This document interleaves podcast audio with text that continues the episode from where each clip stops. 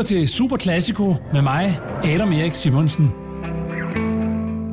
Ja, rigtig, rigtig hjertelig god aften og velkommen til nok en omgang 55 minutter Super Classico. En lille uge inden aftenernes aften, især hvis man er barn, og det er vi alle sammen forhåbentlig stadig en lille smule inde i.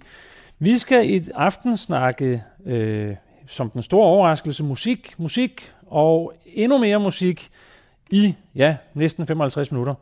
Ugens emne, hold lige fast en gang, kunsten at musicere. Og det er jo et stort og abstrakt og meget interessant begreb, kunne man måske kalde det. Øh, men som jeg skal gøre alt, hvad jeg kan for at bringe helt ned i jordhøjde for jer, kære lyttere. Og til at bringe os den modsatte vej op i skyerne, har jeg i aften selskab af en meget fin og meget begavet musiker og pianist, nemlig docent Søren Ra nu må jeg rette mig, Rastogi, er der nogen, der siger Rastogi? Ja, Rastogi hedder jeg, og jeg er faktisk lektor, men øh, det er det samme. Du er lektor, hvad sagde jeg, docent? Jamen, det er lige meget, det hed det gamle dage. Ja, okay. Men måske kan man ane en stor akustik, vi sidder i, mm-hmm. ved den, øh, ved den nøjesomme lytter øh, have observeret. Vi er nemlig i et ualmindeligt smukt rum, øh, igen faktisk, øh, som i sidste uge på konservatoriet i Aarhus, øh, hvor du til daglig huserer, øh, Søren, og pisker dine elever til at blive dygtige musikere og pianister? Nej, jeg foretrækker på ordet motivere, men, øh, motivere, ja, okay. men nogle gange kan det da være nødvendigt at, at, at, at stille krav. og jeg men det er de gode til selv. Altså, det, det der er et rum med format. Jeg kan sige, hvor, hvor stort det er rum. Der er i hvert fald cirka 10 meter til loftet. Ja. Øh, der er 10 meter til siden der, og så er der et gigantisk panoramavindue. Altså, det, ja dejlige forhold her. Ja, vi har udsigt til Aarhus og hele øh, midten af Aarhus her, så det er skønt, det er meget inspirerende. Ja, det må det da være. Og så sidder du lige ved siden af to kæmpe store Steinway-flyler. Ja. Wow, nå. Jamen, vi skal, vi skal jo lytte til musik, Søren, først og, der, og fremmest. Og der er højt til loftet, så det er jo der er meget, til loftet, meget passende både, måske. Ja, fysisk og forhåbentlig kunstnerisk, den musik, vi skal lytte til. Vi skal i hvert fald lytte til en masse klavermusik. Det kan vi godt øh, allerede afsløre. Men så skal vi også, som noget vi ikke har gjort før, skal vi lytte til nogle, blandt andet, nogle rigtig gamle indspilninger. Mm. Øh, og det kommer du til at forklare, hvorfor vi skal. Yes. Så, men øh, først lægger vi ud nu med et stykke musik, som er indspillet for ret nylig, kan hmm. man sige. Det er ikke en gammel indspilning. Nej, det er en, øh, det er en live optagelse fra en øh, konkurrence, Arthur Rubinstein-konkurrencen i 2011, som var et af de første steder, at verden for alvor fik øje på en, på en, øh, en dengang meget ung øh, russisk pianist, Danil Trifonov, ja. som siden øh, gik hen og vandt Tchaikovsky-konkurrencen og øh, har nu altså en mega karriere, ja. men også øh, viser nogle veje i sit spil, synes jeg, og i sin, øh, sin kunstneriske adfærd, som, som, som tyder på, at han bliver altså en af de helt store i det her, i det her århundrede. Så han er virkelig fordi han er jo på alle plakater, og han er, og man ser ham overalt på online. Og ja, ja, altså det, det, det synes jeg, og det synes, ved jeg, at mange af mine kollegaer også synes, og, og vi er ikke altid så nemme at gøre tilfredse. Men, så, så. men okay, hvis du, du, du er tilfreds, kan jeg høre. Altså vi ja. skal høre ham spille noget Chopin. Ja. Chopin. Chopin. Vi skal spørge ham spille, øh, jamen den, den ligger øh, liveindspilling af alle Chopins øh, 12 etuder fra det opus, der hedder opus 25. Øh, Chopin, øh, den polske komponist Chopin, var den første, der skrev etuder, altså øvelsestykker, som var beregnet til koncertbrug. Ja. Så det er fantastiske koncertstykker, det er fantastisk musik, nogle vil måske kende revolutionsetuden, øh, og, øh, men det er samtidig enormt svært. Ja. Man bruger det ofte til konkurrencer, for ligesom at vise øh, både, at man kan øh, flytte fingrene og have en enorm sikkerhed og beherskelse af instrumentet, men også, at man kan øh, transcendere det og blive til kunstner, kan man sige. Ja. Og det er for de fleste meget svært. Men det er altså noget, som Trifonov virkelig mestrer her. Men, men, og lige inden vi sætter den på, hvad skal vi lytte efter? Hvorfor er det, du synes, han er så speciel? Hvis du nu ikke er vant til at lytte til klavermusik, kan du så prøve at... Man skal lytte efter, så skal man for det første nyde det her enormt flimrende, smukke øh, klang billede, den her klangverden, som Chopin skaber ved at spille meget hurtige øh, figurer i klaveret. Men så skal man lytte til, at der oven på alt det er en fantastisk melodi. Og den melodi og udviklingen af den, den er for Trifonov lavet på en måde, så det virkelig opfattes som et sprog. Ja. Man kan forstå måske ikke, hvad han siger, men man oplever, at der bliver talt ting. Wow.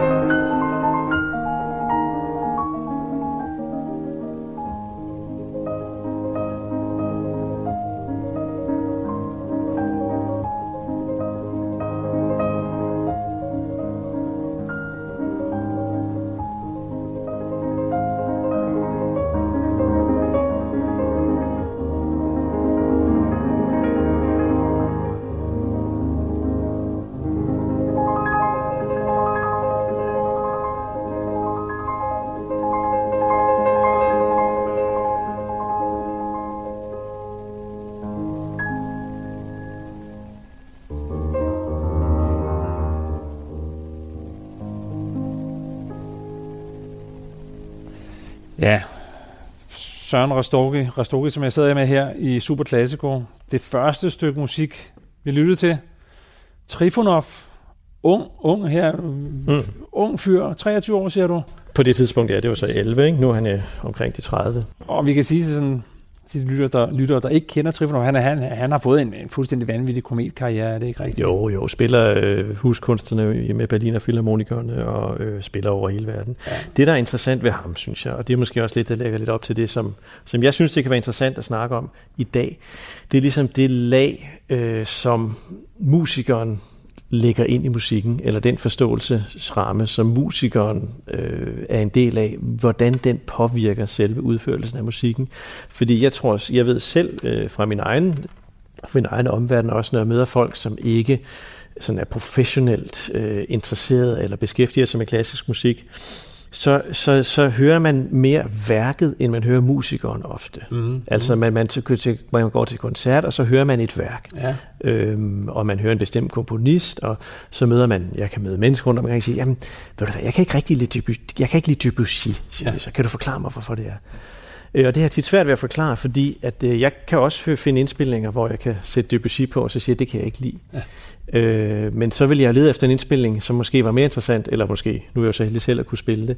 Og det vil sige, at det fortolkende lag, som musikeren lægger ovenpå, ja. det er faktisk, tror jeg, meget større, end, end mange tror. Jeg tror faktisk også, det er meget større, end, end, end selv vi som professionelle musikere i dag lægger mærke til. Men det, er, det, er jo, det er jo vældig interessant. Det trækker faktisk tråde til et tidligere program, jeg havde med Christian Fluxen, ja. hvor vi snakkede dirigenter, mm. og vi kom til at snakke om, øh, vi kom til at snakke om det her med, når musikeren øh, står i vejen for musikken, mm-hmm. eller, eller ej. Altså, vi snakkede om egoer. Mm-hmm. Dirigentens rolle er jo øh, tit, at de helt store dirigenter jo har haft nogle fuldstændig vanvids egoer. Ja, ja. Øh, og, og nogen har ikke. Nu, nu er, hvem er det, der vi lige har mistet? Det er jo øh, Maris Jansons, mm-hmm.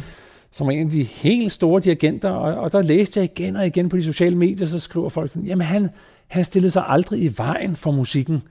Nej. Altså, kan du følge, hvor jeg vil hen, at, at du snakker om øh, en fortolkning, mm-hmm. hvor der kommer måske et personligt lag ind ja. over musikken. Er det i orden? Ja, det er det, fordi du, har ikke, du kan ikke melde dig ud af musikken.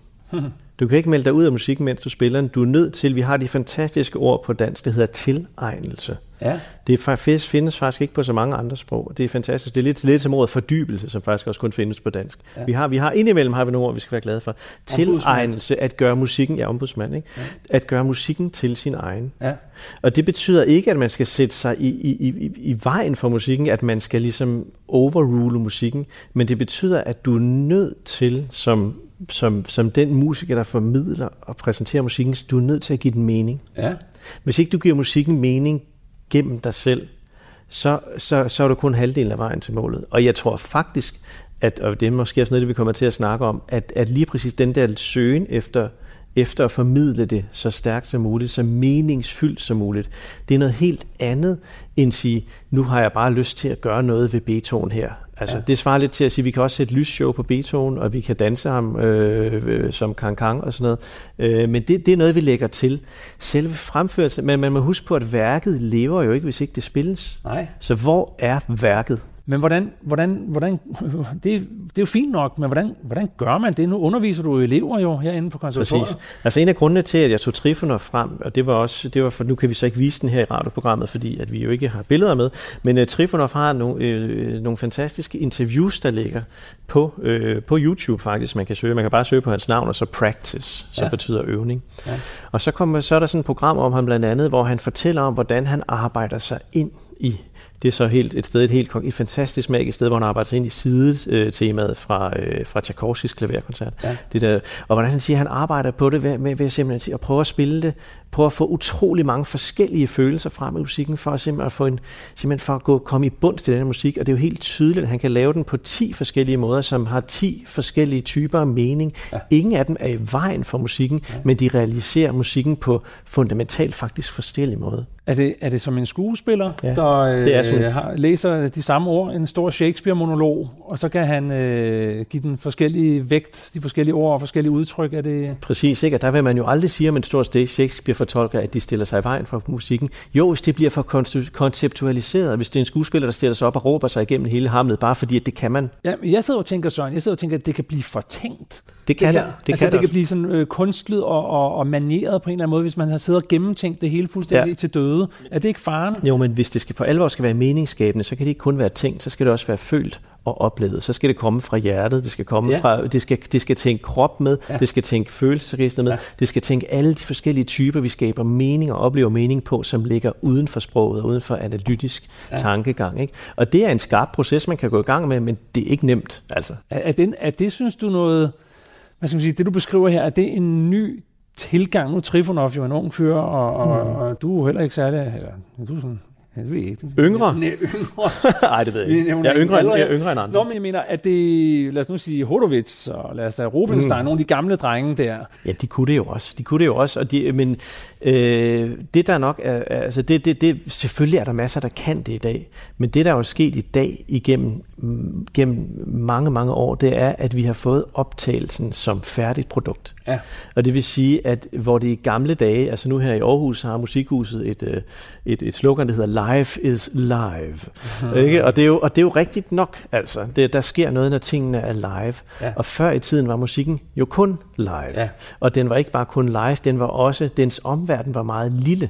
Ja. Hvis du boede i et land, så hørte du jo de musikere, der var, og de musikere, ja. der kom, så kunne du rejse, men publikum rejste jo ikke og sådan noget. Det, der sker i dag, det er, at, at hele verden er en stor øh, daglig stue. Ja. Ikke musikerne rejser sig rundt, uddanner sig de samme steder, publikum kan høre alting, vi kan få Berliner Philharmoner ned, ned i dagligstuen og sådan noget. Ja. Og det har, frygter jeg lidt, måske ført til en ensretning af ja. det her, samtidig med at, at, at, at, hvad kan man sige, de udtryksmæssige muligheder, vi har, fordi vi hele tiden bliver, in, vi, vi, vi får de samme, vi bliver inspireret af de samme ting, Ja. plus at vi har perfektionen som målestok. Det havde du heller ikke i gamle dage. Men, men lige præcis, altså fordi du snakker om det her med, at live er live, at dengang man indspillede i gamle dage. Live. Live. Life is live. Life is live. Yes. Life is live, ja. Ja, Øhm, da man indspillede i gamle dage, der var det jo heller ikke noget med, at man tog 20 takes, og så plaster man dem sammen. Nej, det kunne du der, var det jo, der kom du velforberedt til din optagelse. Det var en kæmpe, kæmpe stor ting at få lov til mm. at kylde det ind på noget voks eller mm. noget lak.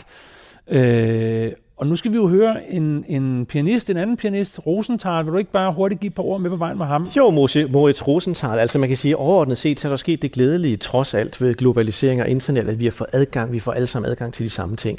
Og det vil sige, indimellem, øh, der ligger nogle fantastiske gamle indspilninger, øh, som tilbage fra 30'erne, 20'erne, faktisk endnu længere tilbage. Vi har ja. indspilninger helt tilbage fra starten af århundredet, som nu bliver gjort tilgængelige. Og det, er- det er en guldgruppe, altså. Jamen altså, ham vi skal høre her, det er en, der hedder Moritz Rosenthal, som var polsk pianist, øh, levede fra 62, 1862 til 1946. Ja. Og det her det er så en, øh, en indspilning fra 1935. Altså her, Moritz Rosenthal var elev af Liszt. Uh. Frans Liszt, ikke? Direkte. Direkte. Okay, det, det er jo i sig selv. Og det vil sige, at vi, vi har pludselig en levende øh, tråd tilbage til den omverden, som musikken, den romantiske musik blev skrevet i. Jeg skal sige lige til lytteren, hvis dem, der ikke kender Liszt. Liszt var den, sådan, den store klavervirtuos i, i, i starten af midten af 1800-tallet, og har ja. på mange måder sådan defineret sådan klaverløbebegrebet, og defineret det at skrive meget svært og meget udtryksfuldt for, for klaveret. Øh, han var i øvrigt også en meget stor inspiration for Wagner. Men det, Kan, kan du lide hans musik. Liszt? Ja, jeg elsker det. Jeg synes, Ja, det er ja. fremragende. Øh, Men det her, her skal vi så høre ham spille øh, Chopin, Ja. en mazurka, Ja. opus 50 nummer 2. Jamen, øh, og, og, og hvad, altså udover at vi selvfølgelig kan høre, at det er en tusse gammel indspilning. Hmm. Det, er helt Det knaser lidt. Det knaser lidt, ja. Det knaser lidt. Hvad, hvad, hvad vil du så sige, vi skal, hvad skal vi byde mærke i? Jamen, jeg synes, man skal blive mærke i noget af det samme som Trifonov. Man skal lægge mærke til, hvor meget det bliver fortalt. Man skal lægge mærke til, hvor lidt, at han sådan, at, at hver gang man siger en, sådan en mazurka har, når det siger en, to, tre, en, to, tre. Der er, sådan, der er tre slag i takten. Ja. Men hvor meget han ændrer på pulsen, hvor meget han ændrer på timingen for at få fortalt forskellige ting.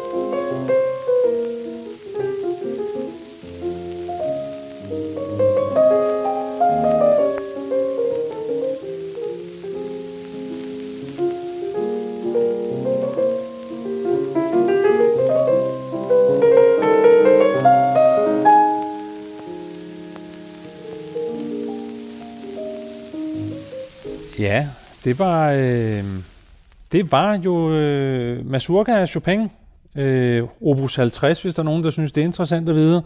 Af Rosen, og fremført af Rosenthal, en, en pianist, jeg, jeg aldrig hørt om før. Jeg sidder her i øh, Super Classico Radio 4 med, øh, med øh, Søren Rastogi, øh, som, som øh, ja, du har valgt det her, det her stykke musik for, for og, og hvorfor, Søren?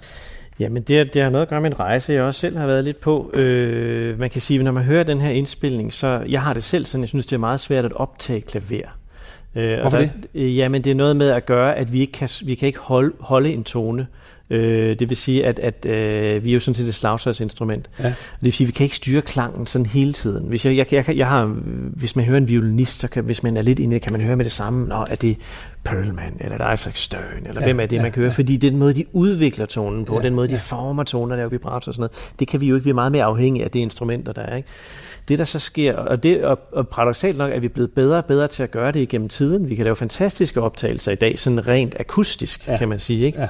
Men vi har mistet noget, synes jeg generelt, sådan, hvis man nu tager det sådan en stor gennemsnitsbetragtning, ja. med at fortælle noget noget, der virkelig stikker dybt på en eller anden måde. Noget, som kommunikerer rent. Og det synes jeg, de her gamle indspillinger har. Selvom lyden objektivt set er dårlig, så kan man mærke det. Man kan mærke musikeren, man kan mærke musikeren meget tydeligt, fordi de bruger nogle parametre, de bruger en, øh, de har tilgang til noget, som, som, øh, som vi sagtens, man kan sagtens spille sådan i dag, ja. men vi har bare, uden, det jeg nogle gange tænker, det er, at umærkeligt har fokuset flyttet sig lidt ja. øh, mod nogle ting, som, som måske mere vi skal spille øh, vi skal spille nodebilledet, som det står nu, vi skal ikke tage for meget tid, kun lige, hvis det er Chopin, så skal man gøre det på den måde, ikke? og hvis det er Schubert, så skal man gøre det på den måde, og så, så er der også det der med, at vi har så mange gatekeepers i dag, hvis du skal være musiker, du skal til konkurrence, du skal spille til en audition, du skal ind på et konservatorium, du skal ud af et konservatorium, så hvis du spiller alt for særligt, så kan du slet ikke blive uddannet mere. Og, og det er jo altså... Jeg tænker også, de her konkurrencer, som du mm. øh, nævnte i starten, som Trifonov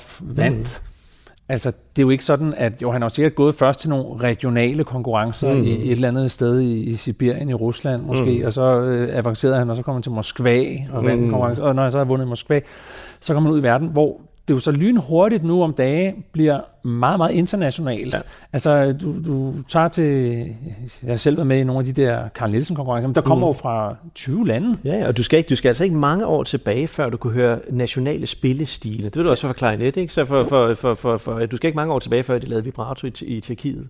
Ja, ja, og øh, England var det en fuldstændig anden klang, ja, ja. og fransk med en lille fæset, femset spidsklang. Ja, ja, det, det, hvis man spørger dem, synes de, det synes de jo nok noget andet om. Men, men, øh, Men i hvert fald så, så, øh, så, så kan man sige, at tingene nærmer sig midten. Ja. Ikke? Det er det, man kalder mainstreamificering. Hvad kalder man det? Mainstreamificering. Ikke? Det her er sikkert et ja. bedre ord. Men, Nej, ja. men jeg kan se det på mine studerende også. Ikke? Hvis ikke jeg punker dem til at lede efter det, så lytter de jo på de indspillinger, der har flest hits på YouTube, for det er dem, der kommer op. Ja. Og det vil sige, at vi alle sammen bliver inspireret af de samme ting, og det må alt andet lige betyde, at vi rykker ind mod midten. Ikke? Øh, og der synes jeg, det berigende og fantastiske ved de her gamle indspilninger, det er ikke kun, den ene ting er selvfølgelig, at de er tættere på dem, der har skrevet musikken. Ja. Det er så, hvad det er, men det er ikke den eneste grund. Den største grund til, at du, du oplever en kæmpe variation på den ene side, ja. og på den anden side en enorm fokus på at fortælle noget, at få kommunikere noget gennem musikken. Nu, jeg sidder og tænker, du underviser de her unge mennesker, mm. øh, og du er op imod, som du også selv siger, at for bare 20 år siden, jamen altså, så gik du jo hos en lærer, kun hos den lærer, og mm. ved den elev, der tog timer ved siden af, mm. som, som tog sig den frækhed at tage til Paris og tage nogle masterclasses. Det er dog altså endeløs historie. Jeg har da venner, jeg fik selv mm. skideball over det.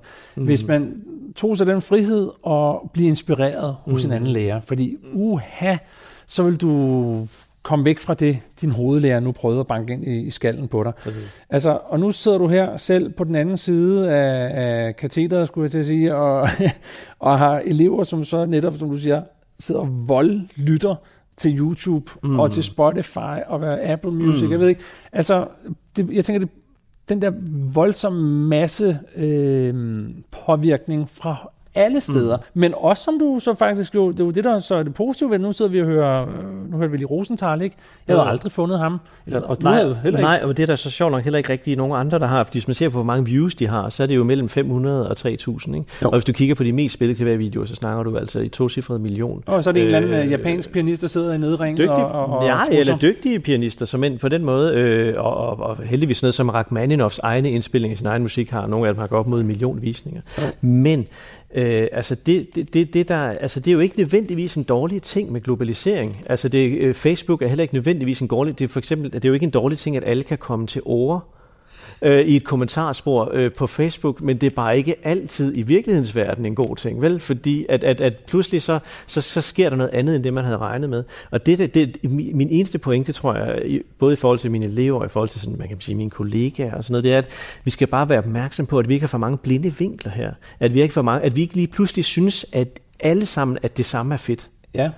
Og hvordan, Fordi så, så, er vi, så er vi jo, men fordi så, så, så kan man sige, så sker der jo ikke noget. men, men går det ikke ud på så som, som lærer at, at finde den enkelte elevs, enkelte persons, hvad skal man sige, skæve Jo. et eller andet, og Og det, det, er- og det, er jo, det, det er jo det, der er målet, og det er bare meget sværere, end, end, end, end, end, end det lyder. ikke? Jo. Fordi at, at øh, på den ene side er man jo nødt til at præge de her med en eller anden form for, give dem en bredere øh, palet af kunstneriske udtryksformer. De skal også lære at spille instrumentet, det er svært nok i forvejen. Ja. Men problemet er, at, at du har meget svært ved at, at, at, at give, eller det er i hvert fald en udfordring, at give andre kunstneriske horisonter, end dem du selv er i besiddelse af. Hvordan gør man det? Ja. Og der kan vi ikke være meget bedre til at kigge til, hvad gør skabende uddannelser? Hvordan udvikler man en komponist eller en billedkunstner? Ikke? Jo. Øh, så, så vi skal være meget bedre. Det er også noget, det nu har vi noget, vi kalder øh, kunstnerisk udviklingsvirksomhed, som, som jeg også er ret med involveret i. Jeg har lige været på, jeg underviser også på Konservatoriet i København, haft et langt seminar med en del af de sidste års studerende, hvor de skal lave nogle projekter, som dybest set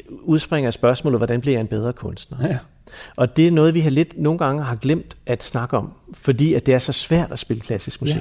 Jamen, der er håndværket i sig selv Ja. er jo bare så Og vi, vanvittigt tænker, svært. og vi tænker, og der, hvis vi tænker det, så tænker de studerende jo også, jamen altså, hvis, før man kan lære, før man sådan rigtig kan spille, så kan man jo heller ikke begynde ja. på det her. Nej. Men pointet er, at når du først rigtig har lært at spille, så er det lidt for sent, fordi så har du fået en æstetik med i købet, ikke?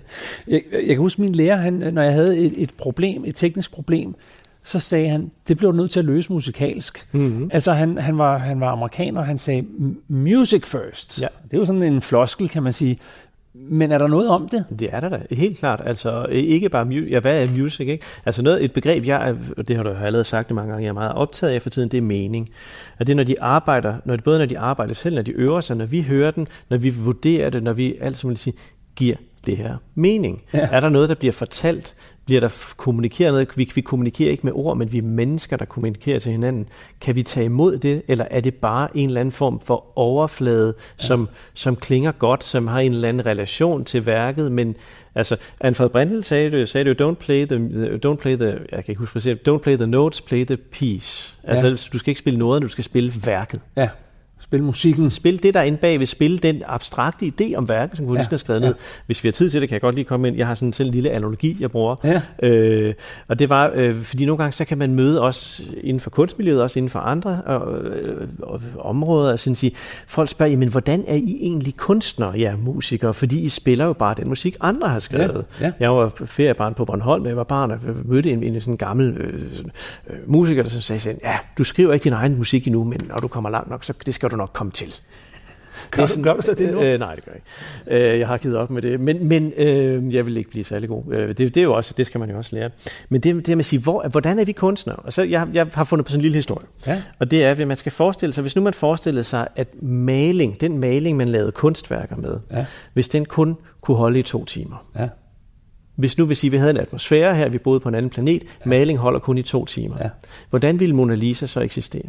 Så ville Mona Lisa eksistere som en ekstremt kompleks forskrift, beskrivelse af, hvordan man skulle male Mona Lisa. Ja. Og så ville man have nogle malere, live-malere, som kunne stille sig op foran et stort publikum og sige, i dag skal vi se Mona Lisa. Så stiller de sig op og maler det ud fra den her forskrift. Ja. Og så vil folk sige, wow, så vil sige, Mona Lisa komme til stedet, til sidst er det færdigt, og så klapper man, så, så, kunst, så er værket væk igen. Ikke? Ja. Og hvis det var en anden af de her malere, ville det jo, ville vedkommende måske tolke opskriften på en lidt anden måde, Ja. og så ville det se Ja. lidt andet. Så det ville stadigvæk være Mona Lisa, men det ville være forskellige Ja. ligesom versioner af den. Ikke? Ja. Øh, og så man sige, ville det give mening at sige, at de her malere ikke er kunstnere? Nej, det ville det jo selvfølgelig ikke. Nej. Men, men de, men det er på samme måde, vi er kunstnere. Værket eksisterer jo ikke, før vi spiller det. Og Nej. det eksisterer ikke, før vi spiller det så stærkt som muligt, og så meningsfuldt som muligt gennem vores horisont, og den horisont, øh, vores publikum er i af. ikke? Jeg har altid også synes, det, det er pudsigt dermed, altså vi, vi snakker om udøvende kunstnere, og vi skal, øh, snakker om skabende kunstnere, ikke? og vi, er jo- vi er udøvende og fortolkende kunstnere, men så bliver jeg sgu også nogle gange lidt stødt, og så siger jeg, prøv at høre, jeg skaber også, jeg skaber lyd, jeg skaber, øh, jeg skaber- skaber form, Og jeg ved du, hvad det skaber, gør? Du skaber mening. Måske, Fordi, jo, men fordi, hvad er forskellen? Du kan sætte dig ned, og så på, på, efter at have spillet klaver nogle år, så kan du spille anden sats fra Beethovens Patetik-sonat, for eksempel. Ja. Bam, bam, ba, di, di, di, di, di, di. Det kan du spille sådan stort set rigtigt. ja, Du spiller de rigtige noder, de har den rigtige længde, de har den rigtige lydstyrke. Ja. Men der er ikke mening i det. Så, så, så, så det tager mange, mange år at mestre, Ja, ikke? Altså, ja. Men, men, men og, skal, skal vi gå til næste? Vi skal- jamen, lige præcis, om vi fordi, skal- vi fordi skal- Det, det, det, er et eksempel, det er nemlig et eksempel på en, som man kan sige, det, det er måske noget, som man kan sige, giver det mening for os i dag? Parkman, Det er Parkman. Vladimir de Parkman. Øh, Hvem er han så? Jamen, han er også en af de her øh, tidlige pianister. Han var fra 1848 til 1933 levede han. Øh, han har spillet for Liszt. Øh, han var elev af en elev af Chopin, mener jeg. Ja. Nu, jeg har ikke helt styr på genealogien i det der. Nej. Men i hvert fald så... Øh, og han, han, var, han var, fik et ry som, og han var øh, meget ekscentrisk og havde alle mulige manerer. Jeg synes bare ikke, man kan komme ud af, når man hører det her, at der bliver formidlet utrolig meget. Øh, hvad der så, hvad man synes om det, giver mening for en, jamen der, det må man jo så selv lægge råd med, havde nær sagt. Ja. Men, men at der er en meget stærk fortælling og en meget stærk øh, personlighed på færd, det kan man ikke være i tvivl om. endnu mere Chopin. Endnu mere Chopin. Nocturne i H-dur. Ja.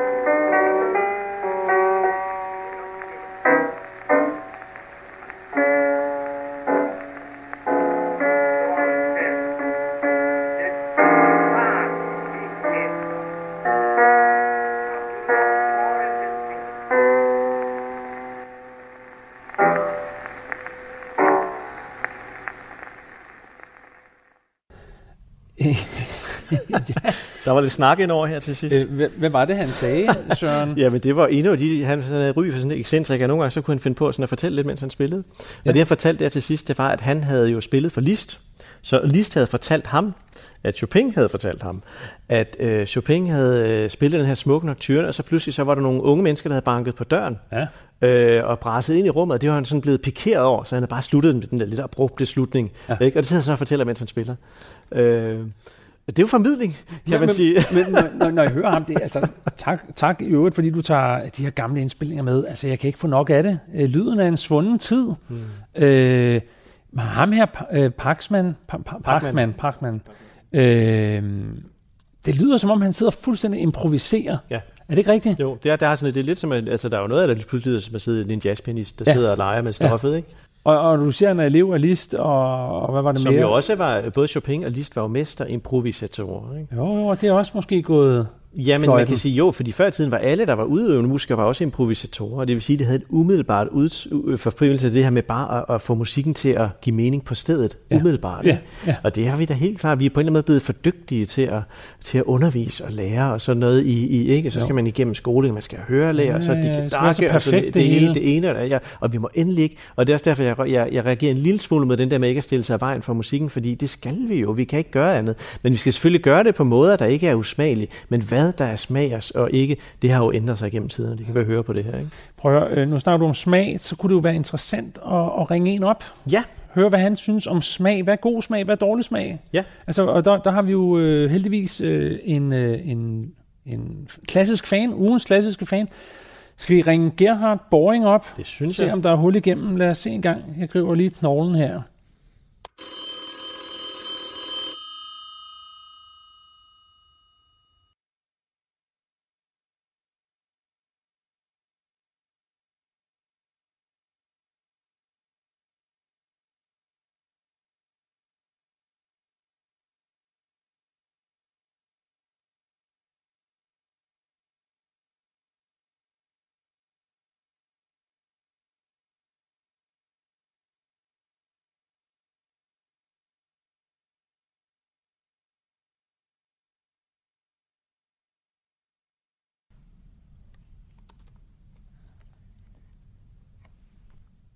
Ja, hallo. Øh, snakker jeg med Gerhard Boring? Det gør du nemlig. God aften, Gerhard. Og øh, det er Adam Simonsen inden for Super Classico Radio 4. Og hej, ja. det er Søren Rastugi her. Vi sidder her og, og hygger, Søren og jeg, og lytter til øh, klassiske skiver. Ja. Okay. Øhm, og så, øh, så, så synes vi kom til at snakke lidt om, om smag i musik, og hvad er god smag, og hvad er dårlig smag. Og så, øh, så tænkte jeg egentlig, altså nu ved jeg jo, at du godt kan lide klassisk musik. Det er rigtigt. Og du kan også godt lide at komme til øh, klaveraftener inde på konservatoriet i Aarhus, er det ikke rigtigt? Det er nemlig helt rigtigt. Ja. Altså, øh, det var noget, der startede for mig, da jeg gik sådan ret tidligt på pension, og det var i 2007. Ja. Og øh, det var netop samtidig med, at konservatoriet de flyttede fra Fuglsangs Allé ned til øh, Musikhuset i Aarhus, og dermed Ja. ja. så blev det jo meget tilgængeligt. Og når man så bliver pensioneret, så har man jo meget tid. Så, og så der begyndte jeg at gå til klaveraftener. Ja. Dengang, der var det øh, Anne Øland, der havde elever. Øh, hun var startet et par år før. Ja. Og jeg, jeg kom tit, så jeg blev jeg lærte alle hendes elever at kende, og jeg blev også gode venner med hende jo. Så, Ja. Er du selv pianist? øh, det er jeg slet ikke. Jeg er slet ikke musiker, men jeg, altså, ligesom så mange andre, så har jeg gået til spil som barn. Men det kom Ja. ja. der nu ikke noget særligt ud af. Ja, okay. Men jeg interesserer mig jo for musikken jo. Så. Ja. Må, må jeg spørge, altså når du nu går til de her koncerter, altså hvor, hvor mange koncerter går du til? Altså snakker vi... Det kan godt være, altså jeg måske går til koncert måske en tre gange om ugen. Øh.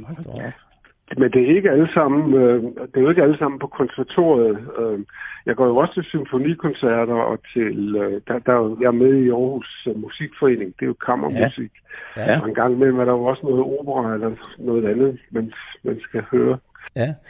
Må, må jeg ikke spørge dig, fordi øh, Søren og jeg har siddet her og snakket om det her med at, at, at musicere selvfølgelig. Alle musikere vil gerne kunne musicere, og jeg har spurgt lidt ind til Søren om, omkring det der, når, når man, hvis en musiker kommer til at stille sig i vejen, måske for værket eller for komponisten, eller altså hvor han fylder for meget en solist, eller for lidt. Søren, kan du ikke lige prøve også lige at sætte på, på, på det, fordi jeg, jeg, jeg nysgerrig på, om Gerhard er enig i det?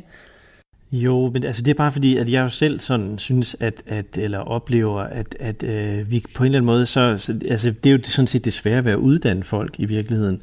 Det er, at øh, man på den ene side sådan skal præge dem med nogle, eller man skal lære dem en masse virkemidler at kende, på den anden side så skal man også hjælpe dem til at finde deres egen stemme. Øh, og, og det er noget, jeg sådan selv har, har, har tænkt meget over, at, at man er jo nødt til at, at engagere sig i musikken, kan man sige. Og i det øjeblik, man gør det fra et, fra et rent hjerte, eller hvad man kan sige, så, så kan, man, kan det jo ikke øh, blive for meget, synes jeg. Men det ved jeg ikke. Altså, hvordan opleves det sådan, øh, som, som publikum? Jamen, Jeg synes ikke, jeg kan ikke mærke, at lærerne de stiller sig i vejen. Altså, det, det kan jeg ikke. Men, men jeg ved jo ikke meget om musikpædagogik, det må jeg da blankt. Nej, nej, nej, det, det er jo heller ikke, øh, det er jo sådan det. Men det, der er interessant, øh, det er jo ikke, og det er jo ikke et spørgsmål, det er bare sådan, vi har siddet og snakket om, det er jo det her med, at øh, hvad, hvad, hvad der gør nogle gange, når noget opleves stærkt. Altså, når, nogle gange så er der noget, der bare brænder igennem, og jeg kan jo mærke det, altså jeg synes jo selv, jeg kan mærke en gang imellem, så har jeg en studerende, som pludselig, hov, så er der hul igennem, eller måske bare en studerende, som pludselig finder et værk på en bestemt måde, eller en indgang til det, som pludselig bare øh, siger, hov, der er altså noget her, som, hvor, hvor, hvor, hvor der er ligesom mere direkte adgang til at kunne formidle musikken. Øh, er det, kan, kan du genkende det? Eller? Altså, det, det kan jeg sagtens. Der er jo en af mine yndlingspianister, har lige været i Aarhus, Mariana Chirignan. Hun spillede Ja. ja. øh, Chopin, og øh, altså, det var jo sådan, at man nærmest græd. Altså, det var så flot, og, og, og jeg ved ikke, hvad det er, hun gør anderledes end så mange andre, men, øh, men øh, Er, er det helhedsoplevelsen, eller er det, hvis du lukker øjnene og ikke anede, det var hende, vil du så blive lige så bevæget?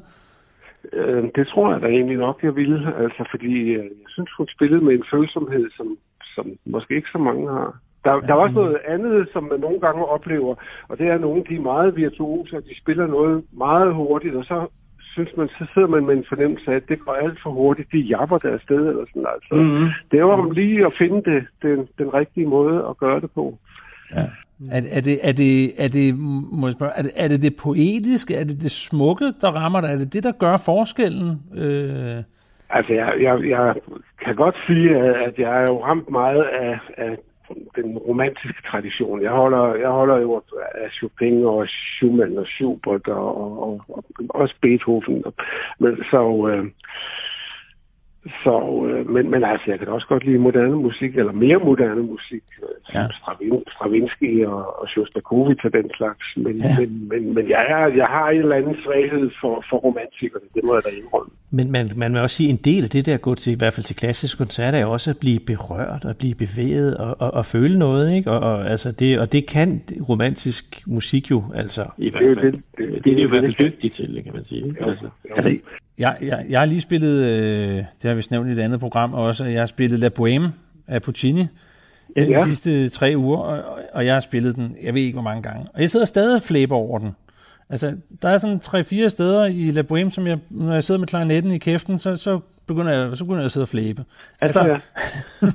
og jeg, altså jeg, det er jo, der er bare noget, der, der er noget, der rammer dybt, ikke? Jamen, det, Øhm. det forstår jeg godt, det, men det, det er jo, der er jo også en grund til, at den opera, den er så øh, berømt simpelthen, ikke? Så øh, øh, den kan jo blive ved at se igen og igen og igen. Ja. Ja, det er jo fantastisk, ikke? At man har det på den måde. Ja. Ja, altså jeg, jeg er lykkelig over det. Eneste gang. For mig er det det eneste, der betyder noget, det er, om jeg virkelig bliver ramt helt derind. Altså, mm. så, ja, det er jo totalt følelsesporno på en eller anden måde, men øh, det virker meget godt og effektivt. Men Jeg, der tror jeg det nogle virker, gange, jeg synes, det virker hver gang med Labo F. Det indrømme. Men det, det, det spiller meget godt tilbage til det, for det er jo også sådan noget, vi skal tænke over, når vi uddanner musikere, at, at vi husker, husker os selv på det altid. Hvad det er, det drejer sig om, ikke? Jo, altså, det jo. er altså for, for, for berørt og få, for, for, nogle, få noget fremkaldt noget i folk på en eller anden måde, ikke? Øh, Nu, nu burde vi jo selvfølgelig, Gerhard, sætte La Bohème på. Øh, det gør vi ikke. Øh, Nej. Det er Men- bare klavermusik her. vi skal noget mere klavermusik, og det er jo helt fantastisk. Men Gerhard, må jeg lige her afslutningsvis spørge dig, hvad er den næste koncert, du skal ind og høre? Øhm, muligvis, altså, nu, det her det er vel ikke en, en direkte udsendelse, men i aften der er der en violinist på konservatoriet, øh, en, øh, en øh, kinesisk piani- øh, violinist, der hedder Ja. ja. Menglin Chi, og det er meget sandsynligt, at jeg går ind og hører det i aften. Ja, skønt. Og der foregår rigtig, rigtig meget inde på konservatoriet. Altså, det gør der jo. Der er jo, øh, altså, hver eneste aften i, i undervisningssæsonen, der er der måske en to-tre koncerter, så man kan jo sim- simpelthen ikke komme til det hele. Det, det, Ja, ja, det er nej. simpelthen umuligt. Og det er jo også Og det- alle slags. Det er jo også rytmisk, men det, det kan jeg slet ikke nå. Det har jeg helt afskrevet. Og det er altså og konservatoriet i Aarhus, vi snakker om lige nu. Det er konservatoriet, ja. Og gratis koncerter jo er det også. Jo. Gratis koncerter, ja. De er næsten alle sammen gratis. Ja. Ja, de er næsten alle sammen gratis.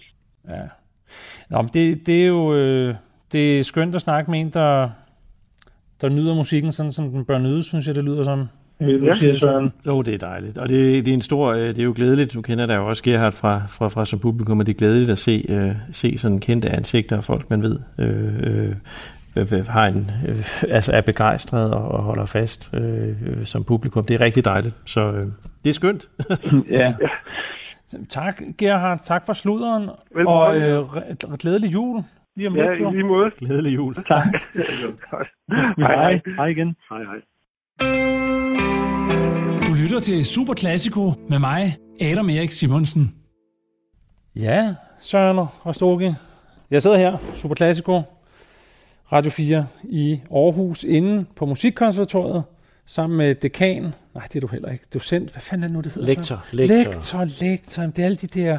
Ja, alle det, de her det, skal, ude- det skal være så fint. Altså. Jeg er jo også nogen, jeg er jo også bare, jeg er jo også bare pianist. Altså. Ja, ja, jo, så det er selvfølgelig rigtigt nok, men altså, jeg, jeg sidder her med Søren Rostoge, pianist, underviser, øh, og faktisk også jo, øh, du, du, du skriver nogle meget interessante blogindlæg, har jeg også Ja, set. jeg, jeg har det jo, jeg, jeg kan jo, øh, det kan måske også lidt mere på, jeg, jeg, har, jeg har jo lidt svært ved sådan at, at prøve at lade være med at, at påvirke min omverden på en eller anden måde, hvis jeg synes, at nu, nu er der et eller andet, den har behov for at få, få fortalt. Ja, Øh, men jeg synes også, at, at øh, og det er måske også noget, hvor, øh, som det her øh, kredser sig lidt om, altså jeg har sådan et begreb, jeg bruger mange sådan steder i mit praksis, det der begreb om blinde vinkler, at der er ting, som, som øh, især i en praksis som det at spille musik, som vi har gjort jo siden, ja, så mange af os siden vi var børn, altså så er der nogle ting, der er flyttet ind i os, uden vi har opdaget det. nogle ting omkring, hvilke valg vi tager, når vi, hvilken musik vi spiller, hvordan vi spiller den, og hvordan vi går til den, og alt sådan noget, ikke? Ja, og det, det, det er altså vigtigt, og, og, og, og i hvert fald en gang imellem stille sig øh, udenfor og tænke lidt over.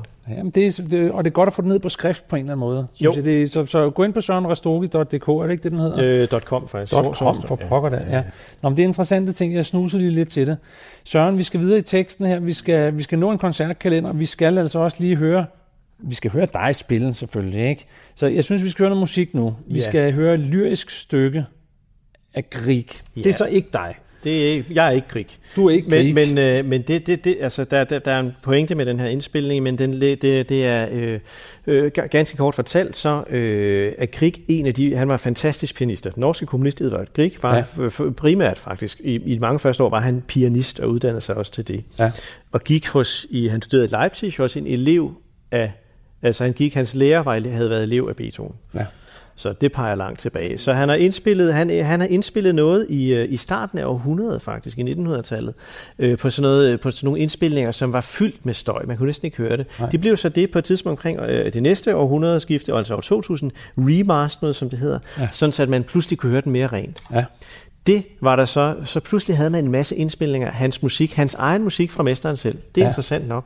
Øh, det, der så skete, det var, at to øh, mennesker, øh, to nordmænd, eller en nordmand og en englænder bosat i Norge, gik i gang med at prøve at sige, nu vil vi prøve at lære noget. Den her æstetik, som vi oplever i de her indspilninger, som vi har hørt et par, et, et par eksempler på ja. ja. her, den vil vi prøve at, at tilegne os. Hvordan gør man det? Det gør man ved at spille musikken, som Grieg gjorde. Så de satte, jeg tror, 27 optag af til at genindspille Griegs værker, som Grieg gjorde den helt ned på detaljeniveau. Og det vi skal høre her, det er simpelthen hans kendte bryllupsdag på Trollhagen, hvor de skifter mellem den nye indspilning, som er Sigurd Slottebrik, som han hedder, i Ja. ja. 2008, som har indspillet øh, Griegs øh, musik på, han, som, på den måde, han selv spillede den, og så er det Griegs egen spil, indspilning. Så når man hører det suse, så er det Grieg selv, der spiller. Når man hører den gode lyd, så er det moderne indspilning, og Ej. så kører de frem og tilbage i et lille uddrag af bryllupsdag på Trollhagen her. Lad os høre en gang.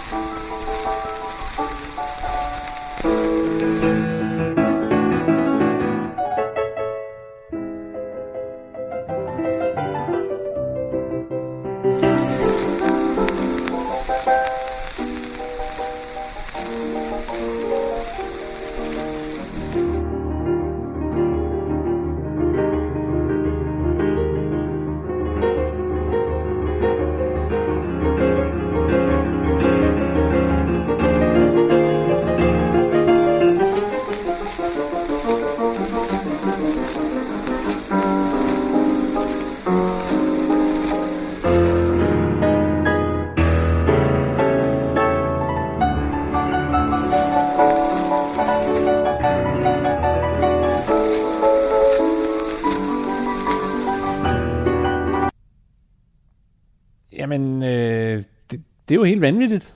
Det er dybt fascinerende, og, og det der er sjovt er, at hvis du lytter, hvis du kører, nu hører vi på Spotify, hvis du hører det samme stykke, som er meget kendt på Spotify, du kører indspilleren ned igennem, så er de stort set alle sammen 30-40% langsommere, meget mere tunge, meget mindre levende, meget mere sådan i time på en eller anden, på sådan en, en eller anden sådan misforstået professionel måde. Ikke? Ja, jo, jo. Og de her, de har altså taget ind, og jeg, jeg var jo så heldig at arbejde med produceren Tony Harrison senere, men det kan vi jo komme tilbage til. vi tilbage til lige om lidt.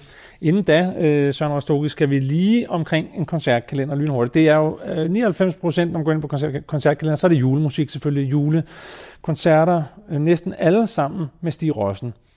Ja, Det er meget vildt, at han kan spille så mange koncerter. Det, jeg tror, han har kloner, han ikke? det? Jo, jo, han, er, han klæder sig ud i næskostyme, og så kan han bare masseproducere det. Øh, Søren, hvad har du fundet til os? Jamen, det var da meget sjovt lige at kigge lidt på. Øh, nu er de, sådan, de store messias og juleoratorier jo ved at være overstået nu, men der er en enkelt juleoratorie tilbage i hvert fald, øh, sikkert også flere, men der er en i Majbo Domkirke, ja. altså Bachs juleoratorium, de tre første dele med Københavns Drengekor, Ja. øh, og en masse gode solister, orkester og Giordano Bellincampi som dirigent, og det er arrangeret af Majbo Musikforening. Der er smukt nede i Majbo. Der er smukt i, i Majbo, og det er simpelthen i Majbo Domkirke, som er et fantastisk rum. Det er, det er i morgen, den 19. december kl. 19.30, og der kan man jo se, hvor stor en rolle de her musikforeninger, som er frivilligt drevne, spiller rundt omkring, Ja. til at få sat sådan nogle koncerter op og få dem, få dem effektueret. Altså, det er et kæmpe gave til det klassiske miljø, og meget unikt i Danmark, at vi har så meget frivillighed i forhold til koncertarrangører. Øh, det Fuldstændig enig. Ja, det, og Hatten af til alle de det frivillige. er så flot, det, det Ja. arbejde, de laver. Ja, Jamen, så har vi her i mere lokalt i Brabrand Kirke, og den, den faldt jeg over, da jeg kiggede på de her julekoncerter, og det er simpelthen Brabrand Kirkes kor, dirigeret af Mi- Michael Østergaards Jensen. Det er fordi, altså alle steder, ikke? så er det sådan uh, carols, og det er Messias, og det er Ja. juleoratoriet, og de skal simpelthen lave musik af Victoria, Poulenc, Dyson og Hude. Dyson, så tænker jeg altså med det samme på den der støvsuger og, og hårtørrer, der hedder Dyson. Ja, og vi kan jo ikke udelukke den samme person. Det kan sagtens være, at han tjente penge ved at komponere. Men bare var den Han store blev opfinder. mega rig på at skrive kormusik. Øh, og det er altså også i morgen, det er faktisk samtidig den 19. december kl. 19.30. Ja. Og så den sidste ting, som jeg vil sige, det er bare fordi, de gør sådan et fantastisk stykke arbejde. Det er det, der hedder Orkester Efterskolen, som er en e- efterskole i Holstebro Ja. øh, for unge klassiske, eller mus- musikere, eller unge, som gerne vil være klassiske musikere. Ja. Og de er altså, nogle af dem er altså fantastisk dygtige. Øh, og det, det er sådan et Hvor det fantastisk og hvad sted. tid siger du? Ja, men koncerten er i Typerøn Kirke, og det er den 20. december kl. 16, og der kan man altså høre nogle af de der dygtige elever spille. Afsted derude, alle sammen, der er ingen undskyldninger længere. Altså, der, man får bøder, dagsbøder, hvis man ikke kommer til koncert. Og vi udsteder dem. Eller jeg tror, at man får, man får mindre julegaver. Er det ikke Du det, får man meget gør? mindre jule. Ja. Du får bløde julegaver. Kun bløde julegaver. Sure underbukser og sokker. Det er det, der kommer til at ligge under træet. Jamen, Søren, prøv lige at høre. Øh, tiden er gået Ja. alt for hurtigt igen. Øh, først og fremmest kæmpe tak, Søren. Det var så lidt, det var en stor Vi fornøjelse. kunne blive ved og snakke, Ja. det siger i de- alle programmer, men det mener jeg. Det har været sindssygt hyggeligt. Søren, vi skal have noget musik med dig, og vi slutter af. Og, og Ja, vi slutter, vi slutter med mere Edvard Grieg, som er en plade, en, en indspilning, jeg lavede med en, med en, en fantastisk norsk sanger, der hedder Johannes Weiser, som jeg også synes har det her umiddelbare, øh, fantastiske, formidlende øh, øh, gen. Han er simpelthen, kan simpelthen komme ud over kanten som ingen andre, synes jeg. Ja. Og vi lavede en Grieg-plade med sange af Grieg, ja. og med netop Tony Harrison, som havde været producer på hele det her projekt med at genindspille Grieg. Så han havde jo en fuldstændig hands-on, kropslig, emotionel fornemmelse af, hvordan Grieg selv havde været. Det var jo meget, meget inspirerende for os at høre om. Så vi skal høre en, en af de sange, en af de meget sådan kendte norske sange, øh, sådan nærmest en, en, en uofficiel nationalsang ved ronderne af, af Edvard Grieg. Og så kan vi jo faktisk også sige glædelig jul til lytterne. Det kan vi. Det er jo, øh, det er jo lige rundt om hjørnet. Ja. Så glædelig jul, og glædelig jul til dig, Søren, og din familie. Og tak og i lige måde. Det var dejligt at være med. Ja, i lige måde. Lad os høre noget og slutte af med krig. God jul derude, alle sammen, og på genhør efter juleaften. sere gatter slike fjell og dalar Som deg i min første ungdomssorg Og samme vind